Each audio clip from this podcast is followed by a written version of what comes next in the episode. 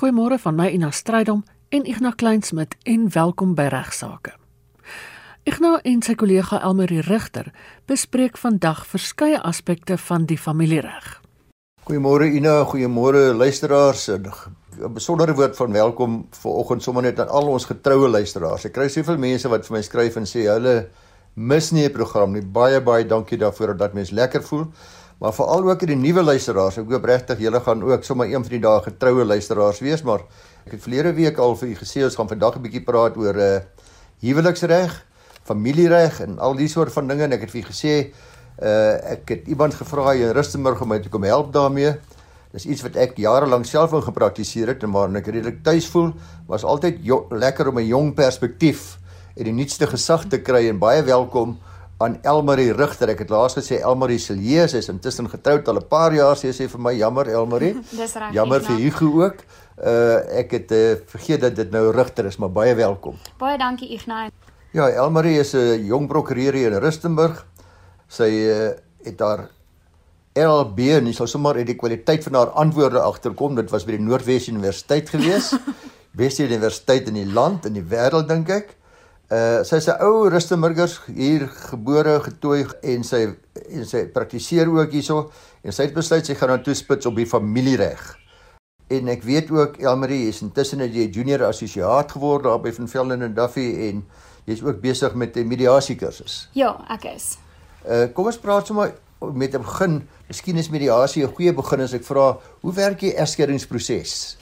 Wel egskeiding is 'n 'n groot proses wat partye nou maar aanpak en wat nie altyd lekker is nie en daarom is dit ideaal altyd eers om te probeer om die litigasie wat hierdie hofproses en emosionele prosesse te vermy. En dit is dan nou die ideaal om 'n prokureur te kry of 'n mediator te kry om te kyk hoe jy en jou gade hierdie dispute wat tussen julle is te kan uitsorteer. daarmee sê ek nou nie natuurlik mens moet probeer om die huwelik te red nie, maar mens moet die dispute wat daar is, reëlings wat getref moet word in aansien van die kinders, moontlike verdeling van 'n boedel of berekening van 'n aanwas, al daardie tipe goed moet mens moet met by ooreenkoms probeer oplos. En ehm um, dit sal die ideaal wees. Ja, so jy so jy sê die ideaal is en in my praktyk het ek my bes probeer om vir mense te sê wanneer jy na prokureur toe gaan, Dis daar niks fout mee om albei partye saam te gaan nie. Ja. Dan word gaan saam na dieselfde prokureur toe. Die rede daarvoor is luisteraars dat anders as wat mense dink, speel skuld feitelik geen rol by 'n egskeiding nie. Die ja. hof vra nie wie vir wie gevloek en wie vir wie geskel en wie vir wie geslaan en wie is die vark in die verhaal nie. By die hoogste uitsondering is nog iets soos hofsaake waarin dit baie keer wel 'n geringe rol speel om die verdeling van bates te bepaal, maar ek sê sê 99% van egskeidings gaan saam na 'n prokureur toe en daar by die prokureur sal ek my bes probeer om albei partye te oortuig daarvan dat dit in hulle albei se belang is, maar veral ook waar daar kinders is. Ja. En die kinders se belang is om te kyk of hulle nie 'n vriendskaplike skikking kan bereik nie. Dit is absoluut die ideaal om 'n ooreenkoms te bereik. Ek sien ook gereeld aan my kliënte hulle sal met groter vrywilligheid 'n ooreenkoms nakom wanneer dit iets is waaroor hulle self ooreengekom het en self tot 'n middelpunt gekom het ja. as wanneer dit 'n bevel is waarin hulle ingedwing is. En natuurlik vir alles hulle besef dat weet jy wat hierdie hierdie bittere geveg doen niks anders nie as om die hele gesin uh, te verbrokkel nie. Ja. Om uiteindelik ook is die grootste skade wat gedoen word is die aan die kinders en is so onnodig of om myself wat daardie kinders is nie want die is altyd vir my so indrukwekkend as daar mense is wat kom skei en kom sê weet jy wat? Ons het net agtergekom dat ons is nie vir mekaar bedoel nie. Maar ons is nog goeie vriende. Ja. Ons praat nog met mekaar en dis middag weer wat ons dink wat 'n billike oplossing is vir ons vir ons huwelik die eskeringsproses ja. en wat is u advies? Is dit nie wonderlik nie? Ja dit is wonderlik en ek dink dit is absoluut die beste manier om 'n egskeiding aan te pak. Elmarie, ek het so 'n klompie vrae wat ek vir jou gaan gee. Die meeste daarvan dink eintlik 100% daarvan kom maar via luisteraars. Familiereg is sonder twyfel die mees gewilde onderwerp uh, op regsaake al vir al die jare wat ek dit aanbied. Ja. Verreweg die meeste vrae handel maar oor onderhoud en en soortgelyke aspekte rondom 'n egskeiding en is gedikwels baie emosioneel soos jy weet. Uh en ek gaan maar so ek het laas week vir die mense gesê potpourri vra vra maar 'n potpourri terloops verwys net na 'n musikale verskeidenheid. 'n Allegaartjie okay. van musikale melodieë. Ja. As mens praat van vrae soos hierdie dan praat mense eintlik meer van 'n mengelmoes of 'n allegaartjie of 'n verskeidenheid ja. vrae. Okay. Maar ek gaan sommer so en ek gaan saam met jou gesels daaroor en die eerste ding wat mense doen is dat of mense sê is dat ek gaan nie meer betaal as die helfte nie onderhoud nie. Ja. Ons gaan skei, maar Icona is 50-50 van jy is die ma en ek is die pa. Wat sê jy daarvan? Dit is so. Dit is ongelukkig nie noodwendig korrek nie. So onderhoud dit is waar dat beide ouers die verpligting het om onderhoud te betaal. Maar dit sê nie dat die verpligting 50-50 op beide ouers rus nie. So hier kyk ons ook na die verdienvermoë van die partye en hoe dit proporsioneel geallokeer kan word om die onderhoud te betaal. So natuurlik onderhoud is tweeledig. Eerstens lê die klem op die behoefte van die kind. En dis redelik maklik om te bepaal. Ek sê gewoonlik vir my kliënte, maak 'n lys van al die maandelikse uitgawes van die kind. En daardie uitgawes gaan optel tot 'n som totaal. Daardie som totaal is die bedrag geld wat die kind nodig het om maandeliks te oorleef op die huidige lewensstandaard. En nou het ons die behoefte. Nou moet mens kyk hoe proporsioneel gaan die ouers hierdie behoefte dek van die kind. En dis wanneer ons kyk na die verdienvermoë. Daar sal ons 'n sommetjie maak en sê pappa moet 60% van die onderhoud betaal en mamma 40%. Hoe nou ook al. Ons praat van 'n pro rata verantwoordelikheid om onderhoud te betaal. En natuurlik, die vermoë om in die behoefte te kan voorsien. Dis die dis die tweede been van onderhoud. Ons kan nie sê die kind benodig R20000, maar die ouers het nie die vermoë om in daardie behoefte te voorsien nie. Die vermoë om in die behoefte te voorsien is die tweede deel van onderhoud wat net so belangrik is. Ons het nou gesels Elmarie oor die waarde daarvan om te kyk of mense geveg by 'n egskeiding kan vermy maar ons is besig om met met die proses te begin. Maar nou kan ons nie. Wat wat is daar nou 'n verdedigde onverdedigde? Vertel ons eers van 'n onverdedigde egskeiding. Hoe werk dit? OK. 'n Onverdedigde egskeiding is bloot waar die partye probeer skik. Dit beteken daar is nie heen en weer gestryery onnodiglik nie. Die partye bereik 'n ooreenkoms wat vir hulle geleë en gepas is en daardie ooreenkoms word dan 'n bevel van die hof gemaak. So voorkom die partye onnodige litigasie, onnodige lang verhore en daardeur het hulle 'n ooreenkoms wat al hulle reëlings reguleer. Wat word tipies nou in ooreenkomste aangespreek? Wat tipies daarin aangespreek word is as daar kinders is, watter reëlings ten aansien van die kinders gaan geld, waar die kinders gaan woon, by wie hulle gaan gaan kuier en hoe gereeld, hoe die onderhoud van die kinders betaal gaan word en dan wat ook daarin aangespreek gaan word is die verdeling van bates, um indien die partye binne gemeenskap van goed getroud is, die allokering van huisinhoud, natuurlik is dit iets wat partye opbou saam deurloop van die huwelik en as daar skuld is, word die skuldaspekte aangespreek, pensioenfonds, aandele in maatskappye en so meer. Enige iets wat deel vorm van die partye se boedels sal daarbinne aangespreek word as ook die aspekte van die kinders. Goed, en dan as daar nou nie 'n skikking moontlik is nie, wat uh, ek weet nou sommer van die begin af my man verniel my elke aand. Daar's geen manier wat hy na 'n prokureur toe sal gaan ja. nie. Hy het klaar vir my gesê sy prokureur gaan my prokureurtjie opvoeter en weet nie, kry altyd hierdie ja. ding. Hulle word gedreig met alles en nog wat en geïntimideer. En die arme vrou kom in jou kantoor dan gestroop van selfvertroue. Ja. En sy is so bang vir man, sy dink ook haar man gaan hierdie egskeiding dikteer. Ja, natuurlik in so 'n geval is dit nie altyd moontlik vir die partye om 'n ooreenkoms te bereik nie. En dit is tipies waar ons dan verwys na 'n bestrede egskeiding wat sal plaasvind. En hierdie egskeiding kry elkeen die geleentheid om deur die hof op wat ons noem pleitstukke uiteen te sit wat is hulle eise, wat is hulle wense, wat is dit wat hulle dink hulle moet toekom. En dan gaan daar ook deurloop van die uitruil van die proses 'n hofdatum geallokeer word en daar sal 'n volledige verhoor gehou word um, sodat die hof beide kante van die saak sal aanhoor en dan 'n beslissing maak oor die kinders, oor die verdeling van bates indien daar enige is en so meer. Maar dan as die partye nie ooreenkoms bereik nie, absoluut is die proses om dan 'n bestrede egskeiding deur die hof te voer. En heel dikwels wanneer mense bestrede egskeiding het, dan sal die persoon wat die beursie dra natuurlik die ander persoon ook uh, intimideer met hierdie beursie. Met ander woorde, Hoe gaan jy jou prokureur bekostig? Ja. Wat gaan jy doen? Ek sal jy ek gaan nie vir jou geld gee nie. Ek maak hierdie beursie nou toe.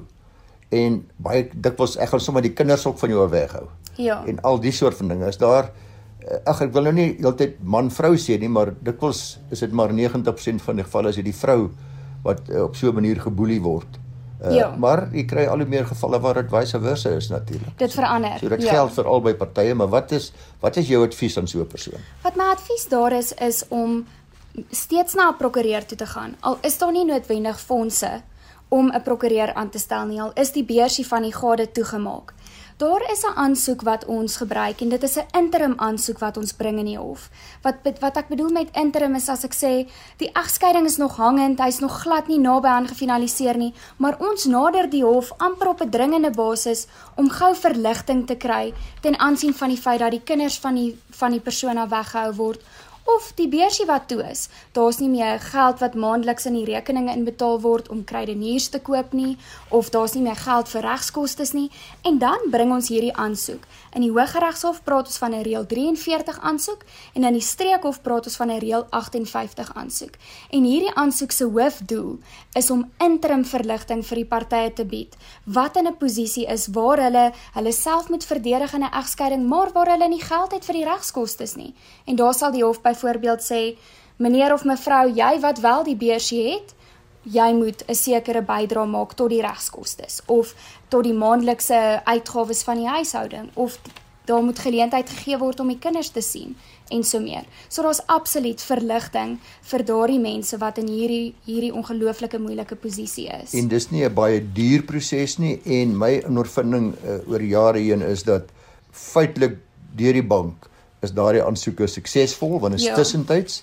Dis nie 'n volledige hofsaak nie, Nee. maar die hof is onmiddellik positief ingestel om intussen die status quo te handhaaf en almal te laat lewe totdat ons aan eendag by die hof uitkom. Ja, ek ervaar dit ook so. Die groot probleem met egskeidings is onderhoud. Die pa het nou wel daar's 'n onderhoudsbepaling gedoen of hy het vrywilliglik of die ma besluit om 'n sekere bedrag te betaal of te aanvaar, maar nou verloor ek my werk of iets gebeur of dis uh COVID COVID is grendeltyd en ek kan nie die helfte van my salaris verdien. Ja. Wat doen ek? Wel dit is belangrik dat indien 'n party nie meer die onderhoudsbevel kan eerbiedig nie. So as daar nie meer genoeg geld is om die onderhoud te betaal nie, dan is dit belangrik dat daardie party die onderhoudshof nader in die area waar die kinders woon. So wat mens doen is mens voltooi 'n vorm. Ons sê ons noem dit 'n aansoek vir verlaging van onderhoud en daardeur stel jy jou ehm um, die mamma of pappa van die kinders en die hof in kennis dat ek kan nie meer hierdie onderhoudsbedrag bekostig elke maand nie. Ek wil hierdie bedrag verlaag. En dan sal die hof nou kyk Hier is daar werklik 'n onvermoë om die onderhoud te betaal of is dit bloot net ek wil nie meer betaal nie. Hoe nou ook al. So die hof kyk dan na die behoeftes van die kinders en meer in besonder kyk die hof na die die finansiële posisie van die persoon wat beweer dat hy of sy nie meer die onderhoud kan betaal nie. En as die hof tevrede is en oortuig is dat daar is nie meer fondse om hierdie groot massiewe onderhoudsbedrag te betaal nie, sal die hof dit dan nou verlaag. Maar dit is belangrik om die hof te nader want indien mens versuim om die hof te nader, is mens in minagting van 'n hofbevel en is daar dan nou natuurlik maniere vir die ander persoon om daardie hofbevel ja. af te dwing. Stem my hartig saam en jy sal seker ook my saamstem en al die luisteraars dat ek dink altyd daar's min slegter dinge as 'n ouer wat kyk hoe min hy vir sy kind kan betaal. Ja. Wat homself selfs diere is goeie voorbeelde van eers hulle kinders voed en dan hulle self voed. Ja. Dan kry jy dikwels hierdie mense wat kyk allerlei ou slim plannetjies maak en allerlei triks en allerlei selfs bedrog pleeg om te kyk hoe min hulle onderhoud kan betaal en dis al dikwels omdat hulle kwaad is vir hulle vrou of kwaad is vir die ander party Ja. uh, en nie besef dat hulle eintlik in daardie proses hulle kinders benadeel nie. Ag en is altyd so 'n groot taak van prokureurs en ek dink mediators en almal betrokke om om hierdie skewe beeld by hierdie mense reg te stel. Ja. Sê dink eerstens aan jou kinders uh want ek soos ek reeds gesê het en mense kan maar sê ek's 'n vroue prokureur is glad nie 'n vroue prokureur of 'n mans prokureur nie. Nee. Ek is 'n kinderprokureur. Ek wou nou net dieselfde sê. Hier kyk ons dan na die kind. vraag wat dikwels gestuur word aan regsaake is kan ek nou maar ophou onderhoud betaal? My dogter word in Januarie 18. Dit is maar so dat ons net onderhoud betaal tot die ouderdom 18 of of is dit 21 sal mense baie keer vra. Ja, dit is navraag wat ons gereeld kry. Dit is wel nie die geval nie. Onderhoud is betaalbaar tot en met die kind of kinders selfstandig is en selfonderhoudend is. Natuurlik kan ons dink as 'n kind vroeg in hulle 18 jarige oude jaar 18 word, sal die kind nie sonder kan onderhoud matriek klaarmaak en moontlik dalk gaan verder studeer en so meer nie. Die kind bly behoeftig aan onderhoud en aan versorging. So solank as wat die kind hierdie behoefte het aan versorging en nie die vermoë het om hulle self te onderhou nie, dis so lank as wat die onderhoudsverpligting sal voortstrek. So alle mense se onderhoudsverpligting gaan nie op dieselfde tyd of op dieselfde ouderdom van hulle kinders stop nie. Elke saak sal uniek wees hier. Dalk gaan die kinders studeer en dan strek die verpligting tot en met die kinders klaar gestudeer het. Of hulle werk dalk sommer direk vanuit skool uit, verdien 'n goeie salaris en is dan selfonderhoudend en sal die onderhoud dan stop. Kom ons praat 'n bietjie oor kinders wat studeer. En ek het al 'n uh, baie interessante gevalle in my loopbaan gehad. Uh, onthou een geval baie goed van iemand wat ek goed ken, vandag nog ken, waar hy my kom sien het en gesê het sy seun het nou al 2 jaar gepluk. Die Diewe Universiteit is te lekker. Ja. Redelike welvarende mense en my advies aan hom was dat uh, ek dink jy kan hom ophou om te onderhou. Jy kan hom vir hom nou sê hy moet nou maar gaan werk uh, die pa het die besigheid gehad waar hy vir my werkie aangebied het. Ja. Waar hy 'n bietjie by onderste leer onderste trappie van die neer moes begin het. Die seun het gesê hy kon, hy kon, 'n mm. bietjie ongeskik met sy pa gewees. En daar is 'n mooi hofsaak ook waar 'n regter al gesê het jy kan nie van jou pa en jou ma verwag nie onthou as jy die hele tyd vloek en skel en met hulle raas en beklei en allerlei beledigings doen. Dit speel ja. alles 'n rol in in in in hierdie proses. Maar die punt is selfonderhoudend beteken nie ek kan swat vir ewig en maar maak nee. wat ek doen ek moet ook my verantwoordelikheid sin as 'n jong mens openbaar as ek dan nog wil onderhoud hê. Ja, natuurlik, redelikheid is hier baie belangrik. Ons kan nie 30 jaar oud wees en net bloot in die sitkamer sit en weier om te werk want pa of ma moet onderhou nie. Mm. Ehm mm. um, absoluut Ignas, soos wat jy sê, die kinders het ook 'n verpligting om hier na te kom. En nou word ek 18 jaar oud en uh, my pa hou op onderhoud betaal en my ma sê sy gaan hom hof toe vat. Ek is nie baie lus nie, maar wie kan hom hof toe vat? Ja, wel natuurlik ongelukkig is dit nou nie meer die ma wat namens die kind die pa kan hof toe vat nie. Die kind is dan nou al meerderjarig, soos wat ons sê, ouer as 18 en daarom sal die kind nou self die pa en die ma moet hof toe vat indien onderhoud nie meer betaal word soos wat dit moet betaal word nie. Goed, die ouerlike beheer en toesig oor kinders. Daar word baie keer gedreig ek net nou na verwys ek gaan die kinders van jou af weghou of jy gaan die kinders nooit sien nie. En hierdie hele storie van as jy nie jou onderhoud betaal nie, dan sien jy ja. nie die kinders nie. Dis natuurlik nie so nie. Nee, dit is nie. Die twee is nie afhanklik van mekaar nie. Onderhoud en kontakregte is twee absolute onafhanklike aspekte ten aansien van die kinders en dit kan ook onder geen omstandighede teen mekaar afgespeel word nie. Nee, natuurlik nie, want ek is nou werkloos beteken nie omdat ek my werk verloor het, ons het 11 miljoen werklose mense in hierdie land, dat ek dan nie eens meer 'n goeie paas nie. Ja. Want ek dan nie meer my kinders mag sien nie, so ek sê 100% saam met jou antwoord, maar wat is die situasie nou as albei ouers dink dat hulle is eintlik die mees geskikte ouer? Om die kinders by hulle te hê. Dit gebeur gereeld. Ehm um, natuurlik al albei ouers wil so graag soveel as moontlik tyd saam met hulle kinders spandeer. So nie een ouer is is altyd bereid om op te offer om te sê die kinders woon primêr by jou en ek oefen kontak uit nie. En ons ervaar ook baie dreigemente in praktyk wat hierdie hierdie tipe reëlings betref. Maar dit is belangrik hier om te weet dat ons ouers staan op gelyke voet. Ons kinderwet maak dit so duidelik. 'n Pappa en 'n mamma het eweveel regte ten aansien van die kinders en beide ouers het regte en verpligtinge ten aansien van die kinders. Nou gebeur dit soms, dis my woord teen jou woord. Ons het 'n dispuut, waar moet die kinders woon? En wat doen ons in 'n geval wanneer ons 'n dispuut het? En dit is tipies waar ons 'n deskundige gebruik. So ons vat 'n deskundige soos 'n maatskaplike werker of ons gebruik die gratis diens van die staat wat die gesinsadvokaat is en ons kom sit hulle in hierdie gesin se posisie en hulle doen van daar af 'n ondersoek. Hulle praat met mamma en met pappa en dan 'n hoof fokus natuurlik hier is die kinders om te bepaal wat is vir die kinders die beste? Waar sal hulle die beste rotine uitoefen, die meeste sekuriteit hê?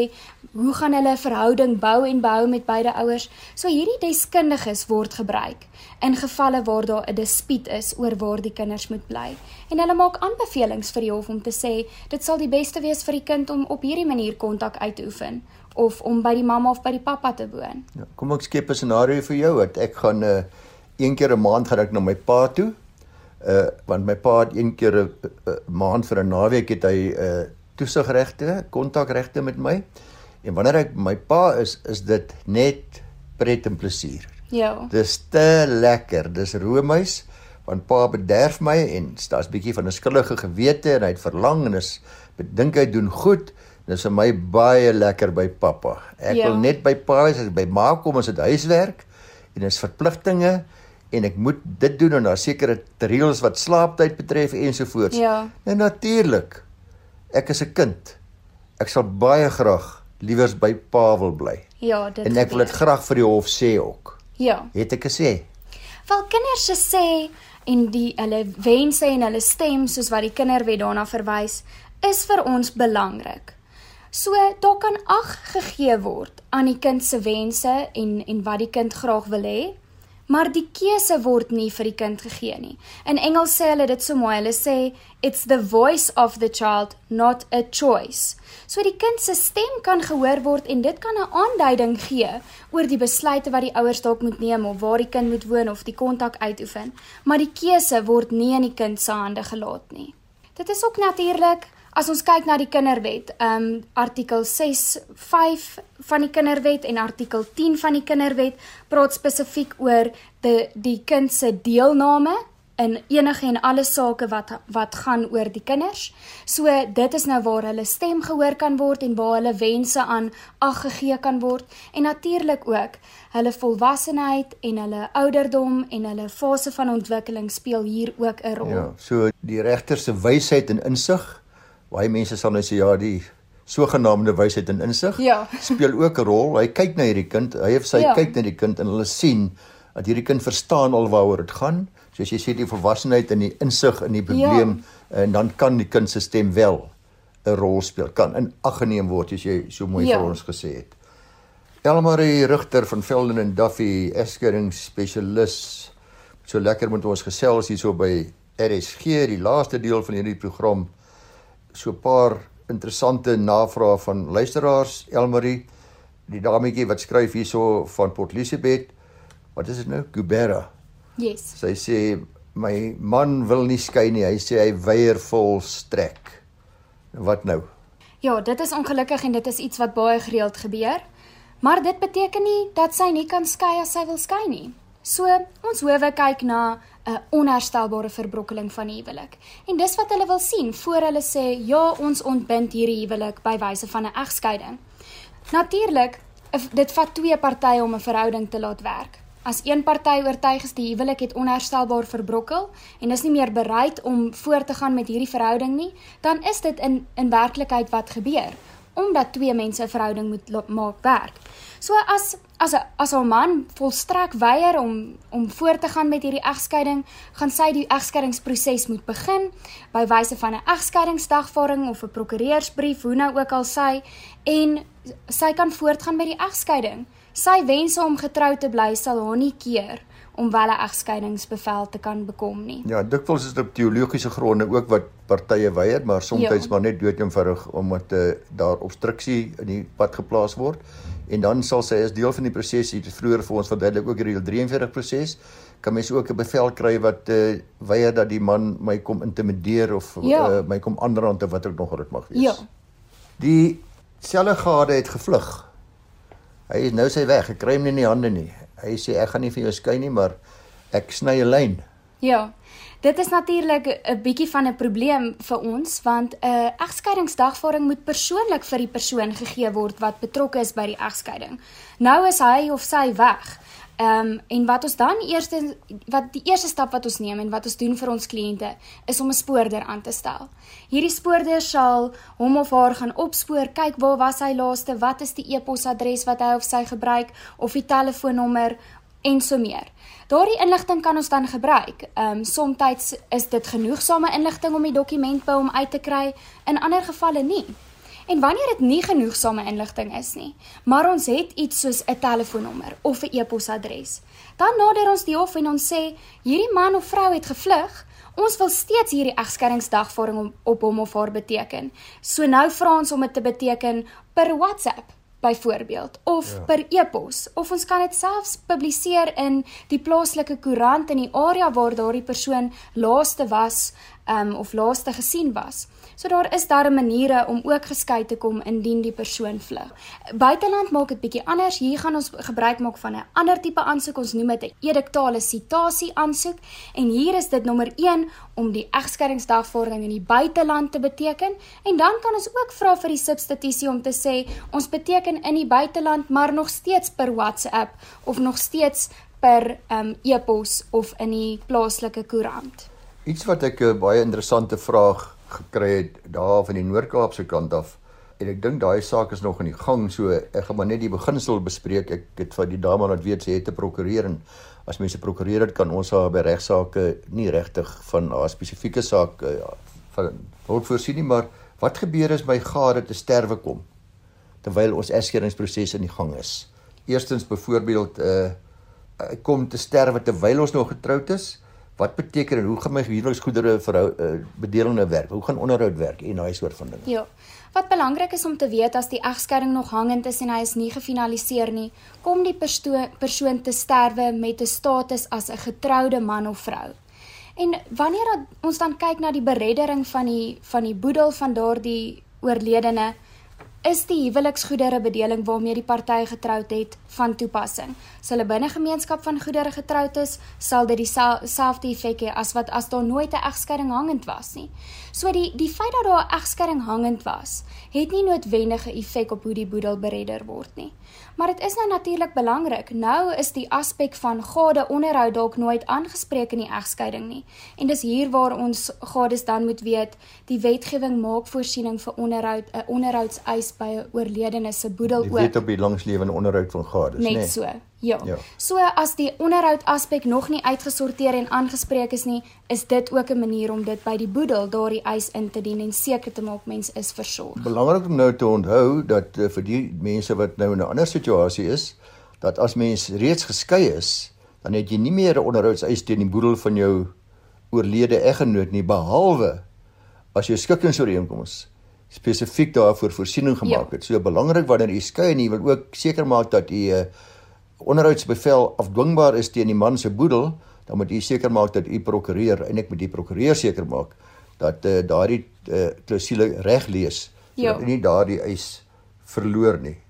Natuurlik wat ook hier belangrik is is 'n mens se testament. Korrek. Ek sê altyd vir my kliënte wanneer die egskeidingsproses begin, moet hulle reeds op daardie stadium al hulle testamente wysig sodat dit hulle huidige wense ehm um, reflekteer so voorkom mens ook en maak mens ook seker dat die mense wie jy graag jou items wil nalat dat hulle dit sal ontvang by afsterwe. Baie baie dankie aan Elmarie Rigter van Velde Duffy. Elmarie, wil jy dalk vir ons jou e-posadres gee as as jy vra het van algemene belang vir Elmarie? Ja, natuurlik. Jy kan dit stuur na Elmarie C. Ek gaan dit sommer spel. Dis E L M A R kolletjie I C @vvd www.co.za. Sien daarna uit om weer met u te gesels. Groete. En ook van my kant af, groete tot volgende week.